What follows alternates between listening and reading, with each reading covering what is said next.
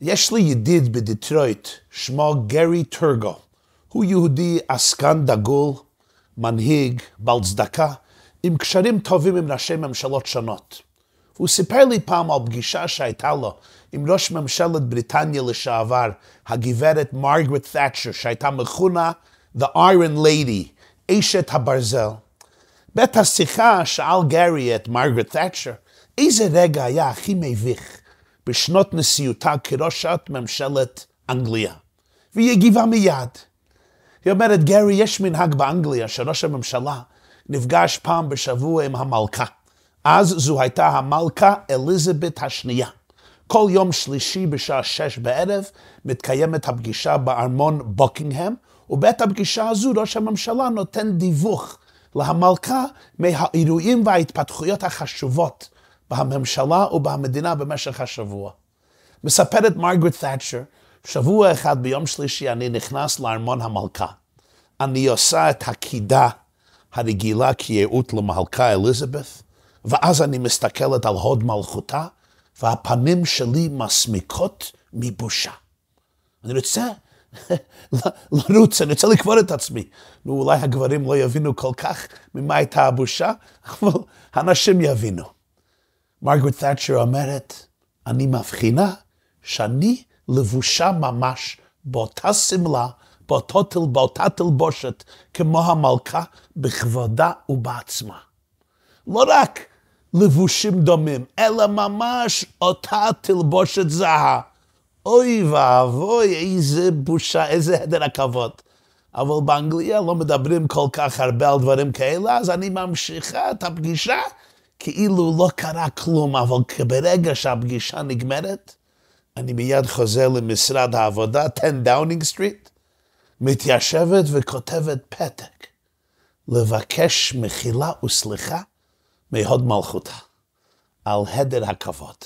אני מוסיפה גם שמכאן והלאה ציוויתי לעובדי המשרד שבכל שבוע יבדקו תחילה מהי תלבושת המלכה, כדי שהטעות המביכה הזאת לא תחזור על עצמה שוב, ושוב לא אעז ללבוש את אותו התלבושת כמו המלכה בכבודה ובעצמה. למחר אני מקבלת פתק מארמון המלכה. וכך כתוב באנגלית, No need to apologize. The queen never notices what commoners wear. אין צורך להתנצל. המלכה אף פעם לא שמה לב למה שפשוטי עם לובשים. אני אוהב את הסיפור הזה, כי יש בו מוסר השכל.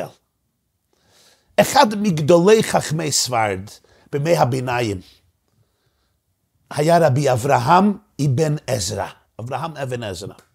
הוא מציג שאלה מאוד מעניינת על פרשת שמות ועל ספר שמות. אבן עזרא, אברהם אבן עזרא, נולד בסוף מאה ה-11 וחי במאה ה-12 בספרד. הוא היה גאון, חכם, פילוסוף, גאון גדול בתלמוד ובהלכה, רב, רופא, אסטרונום, אסטרולוג, משורר נפלא מגדולי המשוררים בספרד, בלשן ומתמטיקאי. היה גאון גדול במתמטיקה. הוא כתב פירוש מרהיב על התנ"ך הנלמד עד עצם היום הזה. רב אברהם אבן עזרא נולד בתודלה שבספרד, אבל הרבה משנות חייו הוא בילה בנידודים ממדינה למדינה, תמיד חסר מנוחה, תמיד מחפש עוד ידע, כותב את ספריו, מלמד תלמידים ותמיד חי בעוני רב, תלוי בחסות אחרים.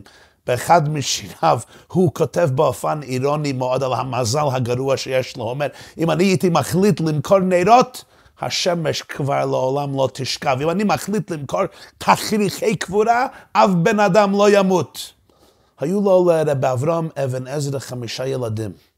לפי הרבה היסטוריונים, אחד מהם, יצחק, עבר לדת האסלאם. יש קינה קורעת לב שאבן עזרא כתב על הבן שלו יצחק. יש אומרים שבסוף הוא חזר ליהדות. אבן עזרא נולד לערך 1092. זה 1092, ונפטר לערך בשנת 1167. זה 1177. ד' אלפים תקכ"ז בלוח היהודי. רבנו אברהם אבן עזרא מציג שאלה פשוטה ומעניינת. למה עשה השם ככה? שהמנהיג היהודי הראשון, שהפך אותנו לעם, שחרר אותנו מעבדות ועיצב את דמותנו. לא קם נביא כמשה, הוא הנביא והמורה הגדול ביותר בהיסטוריה שלנו. הרמב"ם כותב לו, כותב עליו מבחר מין האנושי. זה שנתן והעניק התורה לעם ישראל ולאנושות, משה רבנו. למה הוא גדל ללא הורים יהודים, ללא משפחה יהודית, ללא סביבה יהודית, לא בחברה של קהילה של יהודים, שקוע לחלוטין בתרבות וסביבה מצרית. מה שעוד יותר מוזר הוא שהוא גדל לא רק לא אצל יהודים, הוא גדל אצל אחד מגדולי האנטישמים בהיסטוריה, בארמונו של פרעה. המלך של מעצמת העל של אותה תקופה, העריץ שדיכא והשמיד באופן שיטתי את העם היהודי. תארו לעצמכם, משה, הגואל והמורה והמחנך הכי גדול בישראל, בעצם גדל בביתו של סטלין, של היטלר. למה? אנחנו ודאי יודעים את הצד, הצד הטכני של הסיפור בפרשת שמות. בתו של פרעה, בתיה הלכה להתרחץ בנהר הנילוס ומצאה תיבה בתוך היאור, היא פותחת, היא מושיטה ותשלח את המטה ותיקחהו, היא פותחת את התיבה, מוצאת תינוק קטן, היא מחלצת את הילד ומקדלת אותו כבן בארמונו של המלך. אבל להציל את התינוק משה, הקדוש ברוך הוא היה יכול לארגן שמצרי אחר, לא ביתו של פרעה, יציל את הילד. או יותר טוב, שאיכשהו משה כן יישאר בין אחיו ויספוג את האנרגיה ואת האידיאולוגיה ואת ה... את החיות, את הלהט, את השיטה, את השקפת עולם של העם היהודי. אולי אתם זוכרים מה שקרה כאן באמריקה לפני כמה שנים. דונלד טראמפ העמיד בספק אם הנשיא ברק חוסיין אובמה נולד בארצות הברית, כי זה חוקה אמריקאית, ב constitution האמריקאי יש חוקה שנשיא ארצות הברית צריך להיות נולד בתוך אמריקה. אוי, איך שהיה שערוריה, הוא רצה לפסול את אובמה, שלא יכול להיות נשיא בארצות הברית כי הוא נולד כאן. אבל יש היגיון בחוק הזה. למה? כדי לשמש כמנהיג הולם אתה צריך להיות מה שאנחנו קוראים home-grown potato. תפוח אדמה שגדל בתוך הבית, בתוך הגינה של הבית. אתה צריך להיות מעורב בין הבריות, אתה צריך להבין את העם שלך, להזדהות עם העם שלך. באמת להיות קשוב להקול הפנימי של העם שלך.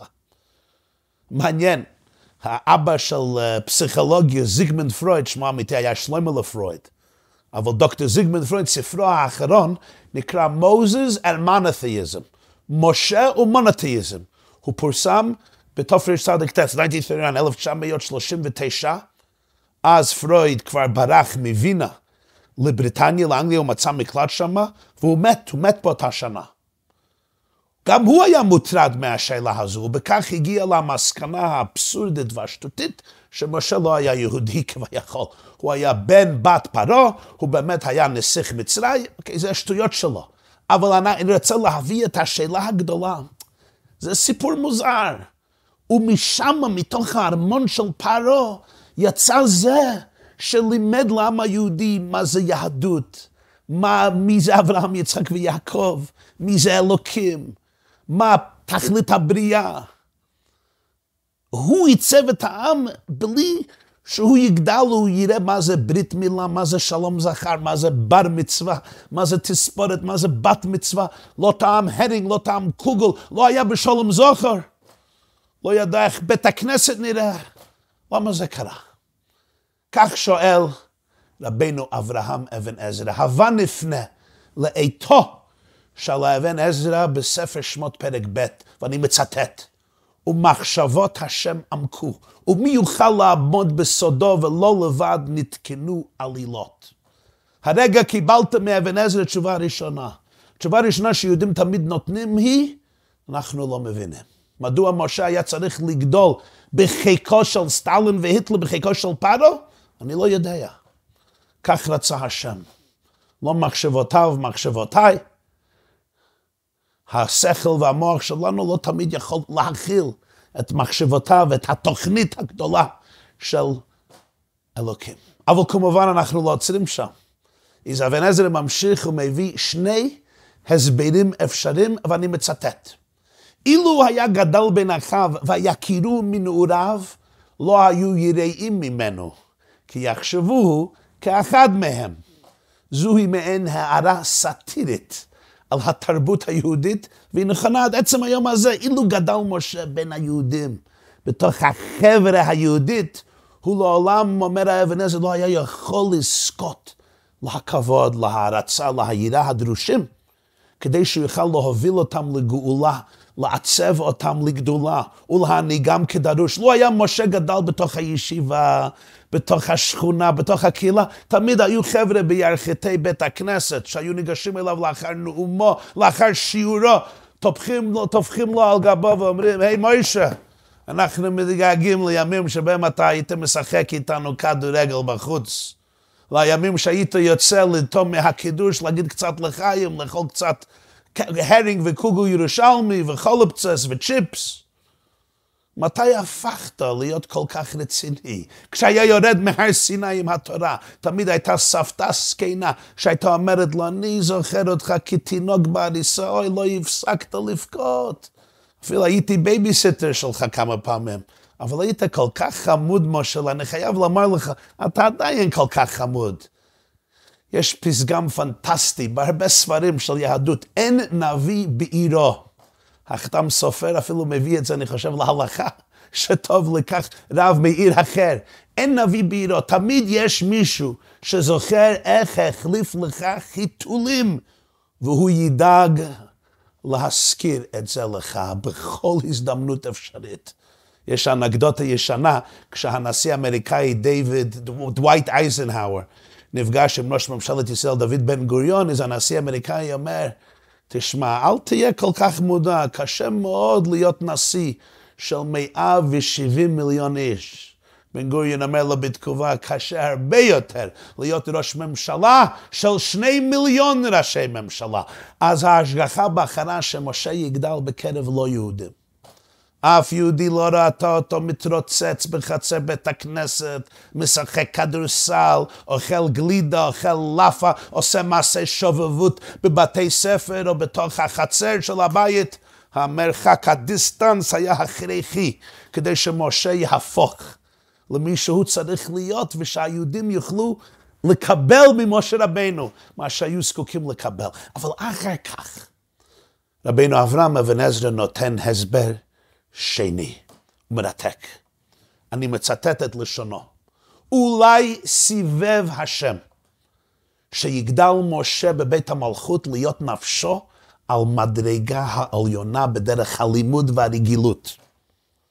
ולא תהיה שפלה ורגילה להיות בבית עבדים. הלא תראה שהרג את המצרי בעבור שהוא עשה חמאס. הושיע בנות מדיין מהרועים בעבור שהיו עושים חמאס. להשקות צונן מהמים שדלו. ביאור דבריו המתוקים. קללת גלות מצרים הייתה לא רק עבדות פיזית ודיכוי נורא של העם העברי היהודים. הרבה יותר מזה. הגלות יצרה דמות חדשה. העבודת פרח, העינויים, הגזירות וההשמדות על העם היהודי יצרו מצב שהיהודים התרגלו להיות משובדים. הנפש שלהם התחילה להאמין שזהו מצבם הטבעים, ולא שמעו אל משה מקוצר רוח ומעבודה קשה.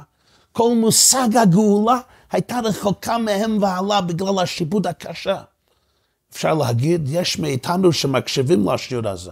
או מסתכלים ומבינים את זה טוב לדאבוננו. אם עברתי התעללות בחייך, ובפרט בשנות הילדות, ובפרט בשנות הילדות הראשונות, כשעדיין לא הצלחת לעצב רגש בריא של אני. לפעמים אתה מסתכל על עצמך אולי בתת הכרה, כעל בן אדם שאין לו שום חשיבות עצמית.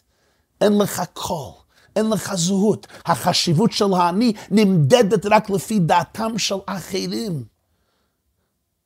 ואולי כל החיים שלך זה השתדלות לחפות על זה. ולהיות בן אדם שאחרים יכולים להגיד, וואו, הוא בן אדם טוב, וזו טרגדיה.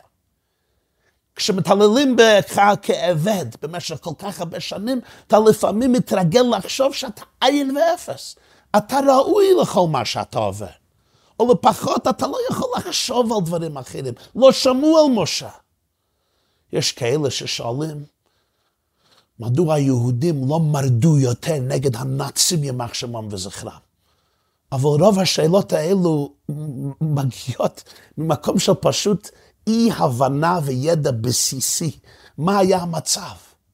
ברוב הזמן האסירים היהודים היו רעבים, חלשים, חולים, מסוכנים. אני זוכר פעם שמעתי מהרב ישראל מאיר לאושלט, היה בבוכנוולד, ילד בן שש, בן שבע, והוא אומר, כשאתה, כשאתה לא אכלת יומיים, שלוש ימים, יש רק מחשבה אחת במוח כל הזמן. איך, איך, איך מוצאים אוכל, איך מוצאים טיפת מים, איך מוצאים גרגיר קמח. הוא דימה את זה ל insect, ליתוש, לשרץ, שיש לו רק אינסטינקט אחד, אני רק רוצה לשרוד, לחיות. לא היה להם טיפת כוח ואנרגיה מיותרת. אתה רוצה שיהודי חולה, מסוכן, לא ישן בלילה, עובד עבודת פרח 12 שעות ביום. מקבל מה, אלף קלוריז ביום, הלוואי אלף מאתיים קלוריז ביום. הוא ילחום נגד חייל צעיר, אס אס, גיבור, עם כלי זיין, ישן ואוכל טוב, עושה התעמלות, נראה טוב. החידוש והנס הוא באותם מקרים שכן עמדו נגד הרוצחים. זה החידוש, זה הנס. טוען האבן עזרא, אם משה רבינו היה גדל אצל העבדים, אצל היהודים, מטבע הדברים, היה מפתח רגש של שפלות עצמית, היה לה חסר, היה, היה חסר לו אומץ להילחם בעוולות, ולא היה לו היכולת לעצב שבט משובד לעם גדול עם חזון לשנות את העולם. הוא לא היה מוצא בתוכו את הכוח לחלום על חירות ולהתאמץ. עם המלך שחשב לי יאורי ואני עשיתי לי, כמו שיחזקאל אומר. הוא הבעל הבית של העולם, הוא דמיגוד, הוא מעין אלוקים. העריץ הגדול ביותר שבאותה תקופה. ומשה רבינו היה יכול, היה צריך לחשוב בגדול, כיוון שהוא גדל באווירה מלכותית, לא היה כבול בשלשלאות פיזיים ופסיכולוגיים. לכן הייתה למשה תחושה ברורה של האבל הנורא שקורה פה, והוא הרגיש את הכוח להילחם בו. הוא גדל באטמוספירה של רחבות, של אפשרויות גדולות, אינסופיות. הוא היה יכול לחשוב, לחלום, לדמיין, ללחום. הוא הרגיש כמו נסיך, לא כמו עבד. הוא הסתכל על עצמו בצורה אחרת. הוא הסתכל על העם בצורה אחרת.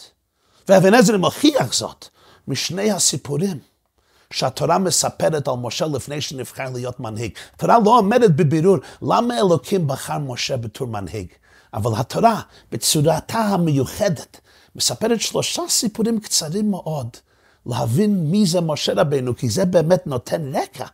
להסביר למה אלוקים בחר בו להיות מנהיגם וגואלם של עם ישראל. למה הוא זה שהעניק את התורה לכל האנושות, לכל העולם. סיפור הפתיחה שהתורה מספרת הוא, ויגדל משה ויצא אל אחיו, ומה הוא רואה? הוא רואה איש מצרי, מכה בברוטליות איש עברי. ויפן כה וכה והיה כי יניש, ויח את המצרי, ויטמנהו בחול. הוא מציל את העברי, את היהודי החף מפשע. השאלה היא מדוע הוא היה היחיד שהפסיק את המצרי להכות את היהודי. למה אף אחד לא הרג את המצרי? אולי זה היה דבר רגיל, אולי זה היה דבר מדי יום ביומו. דווקא משה רבינו ראה את זה ולחם נגד זה. אומר אבן עזרא, כי הוא היה ממקום אחר. נפשו נעצבה באופן אחר. הוא גדל אצל פרעה, הוא חשב כמו מלך, לא כמו עבד. אחר כך יש הסיפור השני, הוא רואה שני יהודים ניצים והוא מפסיק אותם. אחר כך יש הסיפור השלישי, הוא נאלץ לברוח למדיין.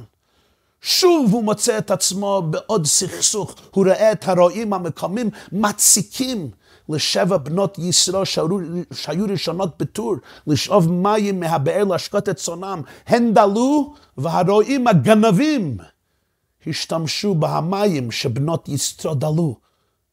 משה קם להגנתם. הוא מגרש את הרועים הפוגעים בהבנות האלו. זה נורא מעניין, שלושה סיפורים. בסיפור הראשון, משה נלחם נגד האנטישמיות, נגד יהודי חף מפשע, שמכים אותו בסדיסטיות ובבריטליות כדי לרצוח אותו, והוא הורג את הרוצח ומציל את הקורבן. אבל כשהוא רואה את המריבה בתוך העם שלו, הוא גם מגיב. יש כאלה נלחמים נגד האנטישמים, זה דבר גדול, אבל כשיש שחיתות, כשיש מריבות, כי יש שנאה בתוך הקהילה, בתוך העם היהודי, שותקים. מה, מה לי לצורה הזאת? אני אמחה נגד כל העולם, נגד כל האנטישמים. ודאי. אבל כשיהודי אחד מכה יהודי שני ואין פוצה פה ומצפצף. משה רבנו מתערב פה, ויאמר לרשע, למה תכה רעך? עכשיו תחשוב, בסדר, הוא איש נחמד, הוא איש טוב. משה אומר, לא, עכשיו הוא במדיין, זה לא עם שלו. זה בנות צעירות, מה לו ולהן, ובפרט בתקופה ההיא, אנחנו יודעים איך העולם הנאור הסתכל על נשים בתקופה ההיא. ויקום משה ויושיען, הוא מושיע את הבנות התמימות האלה. משה היה זר, היה נרדף, זה עתה הגיע לעיר. מי ביקש ממנו להתערב במחלוקת לא לא? אתה הרי כמעט נרצחת על ידי פרעה. מה, איך אתה יודע מה ההורים יעשו? התשובה היא למשה רבנו, הייתה לו נפש רגישה, ולמי שגדל במלכות יש לו את האומץ, את האסרטיביות, assertiveness, התוקף העצמותי, לקחת אחריות. לתבוע צדק ומוסריות, ולא לאפשר לבריונים להציק לנשים צעירות תמימות. ובעצם, אם, אם מנתחים את שיטת אבן עזרא בחומש, רואים שהשיטה הזו אצלו הולכת וחוזרת גם בפרשת בשלח וגם בפרשת שלח. בפרשת בשלח, כשפרעה ושש מאות רכב בחור רודפים אחרי העם שזה עתה יצא ממצרים, והיו שם שש מאות אלף איש בין 20 ו-60, בנוסף לכל המבוגרים, ולכל הבחורים פחות מבני 20, ולכל הנשים. והוא שואל, למה הם פחדו כל כך מהצבא של פרעה? הרי במספרים, בכמות, הם היו הרבה גדולים מהם. למה לא יילחמו על נפשם ועל בניהם? כך שואל האבן עזרא בספר שמות, פרק י"ד בפרשת בשלח. והתשובה שלו היא מעניינת מאוד, פסיכולוגית, ואני מצטט.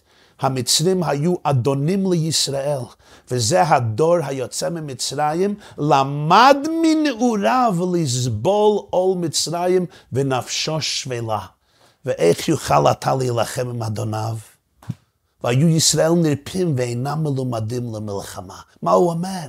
הוא אומר, זה לא עניין פיזי, זה היה עניין פסיכולוגי נפשי. אני הייתי העבד שלך.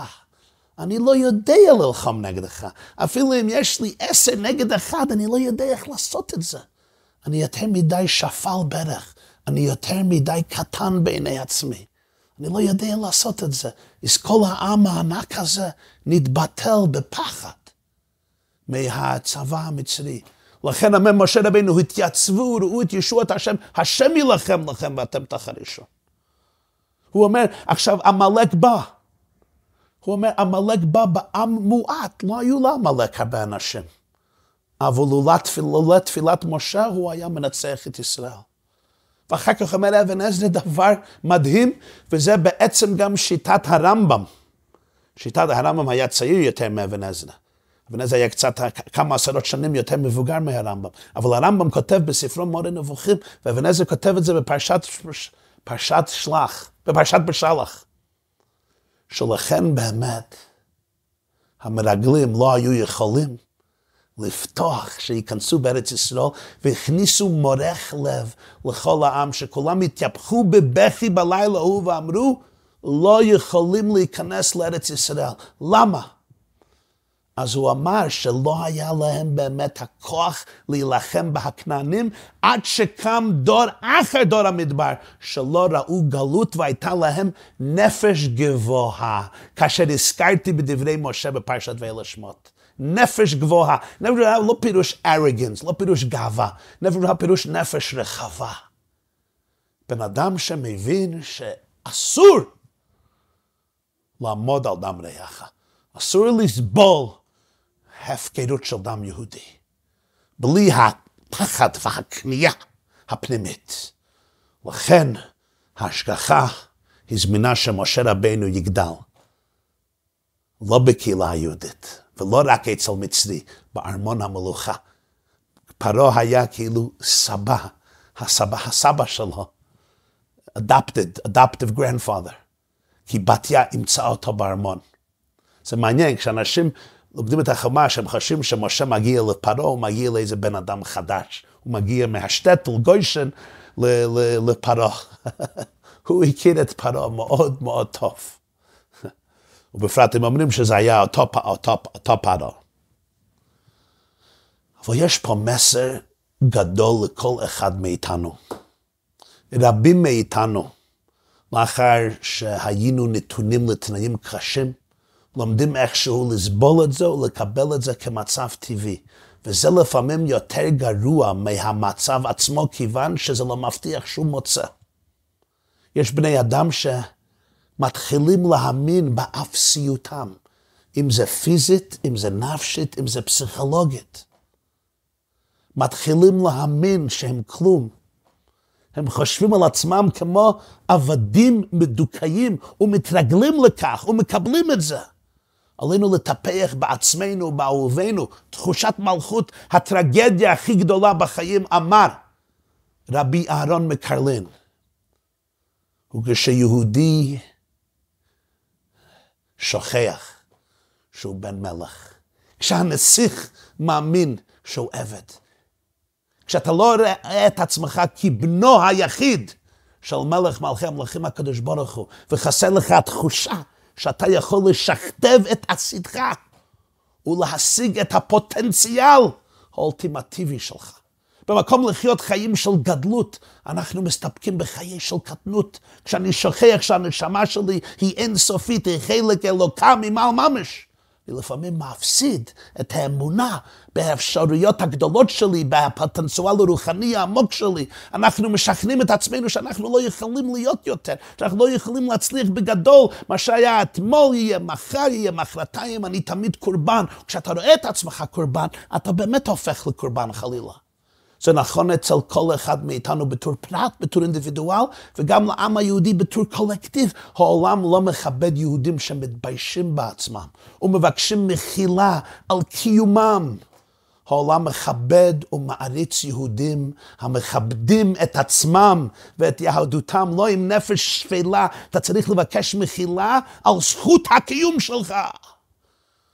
ועל זה שיש לך ארץ, ארץ ישראל, נחלת עולם, לעם עולם מאלוקי עולם. אתה לא צריך לבקש מחילה על זה כל היום וכל הלילה, להפך, העולם מתבייש בזה. ובצורה, ובצורה אישית, אני מקבל המון מכתבים על הדבר הזה, לכן אני מדבר על זה. בני אדם שואלים באימייל, מכתבים, איך אני יודע שאני נמצא אצל רב מתאים? אני לומד בישיבה מתאימה, הרב שלי זה רב טוב בשבילי, המנטור שלי, המורה דרך שלי, הוא מתאים או היא מתאימה, ויש מענה אחד. בוודאי יש דברים אחרים, אבל אני רוצה להתמקד על נקודה אחת. איך אתה יודע שאתה אצל רב או משפיע או מחנך או מורה דרך נכון, מתאים? כשאתה נמצא אצל בן אדם שלא רק מפרגן לך, אלא שבנוכחותו או בנוכחותה אתה מרגיש את גדלותך. שמעתי פעם מהרבי מלובביץ', זה היה פורים תשמ"ז, 1987, 1987. הגמרא אומרת במסכת מועד קטן דף י"ז, וספסי כהן ישמרו דעת, תורה יבקשו מפיהו, כי מלאך השם צבאות, הוא אומר את הגמרא, אם הרב שלך דומה למלאך השם צבאות, תבקש תורה מפיו, אם לא, לא. והרב שאל, איך התלמיד או תלמידה אמורים לידע מה זה מלאך השם צבאות? אני לא, אני לא ראיתי מלאך. איך אני אמור לדעת את הדברים האלה עם הרב שלי? מה זה מלאך? אז הוא אומר, הרמב"ם נותן לנו תשובה מקורית. הרמב"ם אומר לנו בהלכות תשובה שעולם הבא זה מצב כמו מלאכי השרת. הגמרא אומרת במסכת ברכות, גם דף י"ז, דף טוב, העולם הבא אין בו קנאה ושנאה ותחרות. צדיקים יושבים עטרותיהם בראשני ונהנים מזיו השכינה. אז מה פירוש הרב דומה למלאך השם צבאות? הוא אומר, המצב נמצא, המלאך, הרב נמצא כמו מלאך בעולם הבא, הוא לא משוחד מקנאה, משנאה ומתחרות. אם אתה מרגיש שהרב מקנא בך, שיש תחרות אפילו קטנה, שיש איזושהי שנאה לאינדיבידואליות שלך. אם אתה מרגיש שהרב שלך לא רוצה שתעוף כמו נשר, הוא לא האדם המתאים בשבילך. אם הוא מקנא בך, אם הוא רוצה לדכא אותך, אם הוא רוצה שאתה תהיה תלוי בו לעולם ועד, שלא תוכל לחשוב לבד, לחשוב בגדול, לכבוש עולם, זה לא האיש בשבילך. אתה רוצה רב שיגיד לך, לך תעוף מפה. כמו האימה של ציפורים, היא שולחת אותם מתוך הכאן, היא רוצה שיקפצו מההר, כי היא מאמינה שהם יכולים לעוף וצריכים לעוף כדי לגדל משפחה עצמאית שלהם. אתה לא אמור להישאר כלוב בכן כל החיים שלך. יש לך אור עצמי, גדול, ענקי, אלוקי, להאיר את כל העולם. תודה רבה.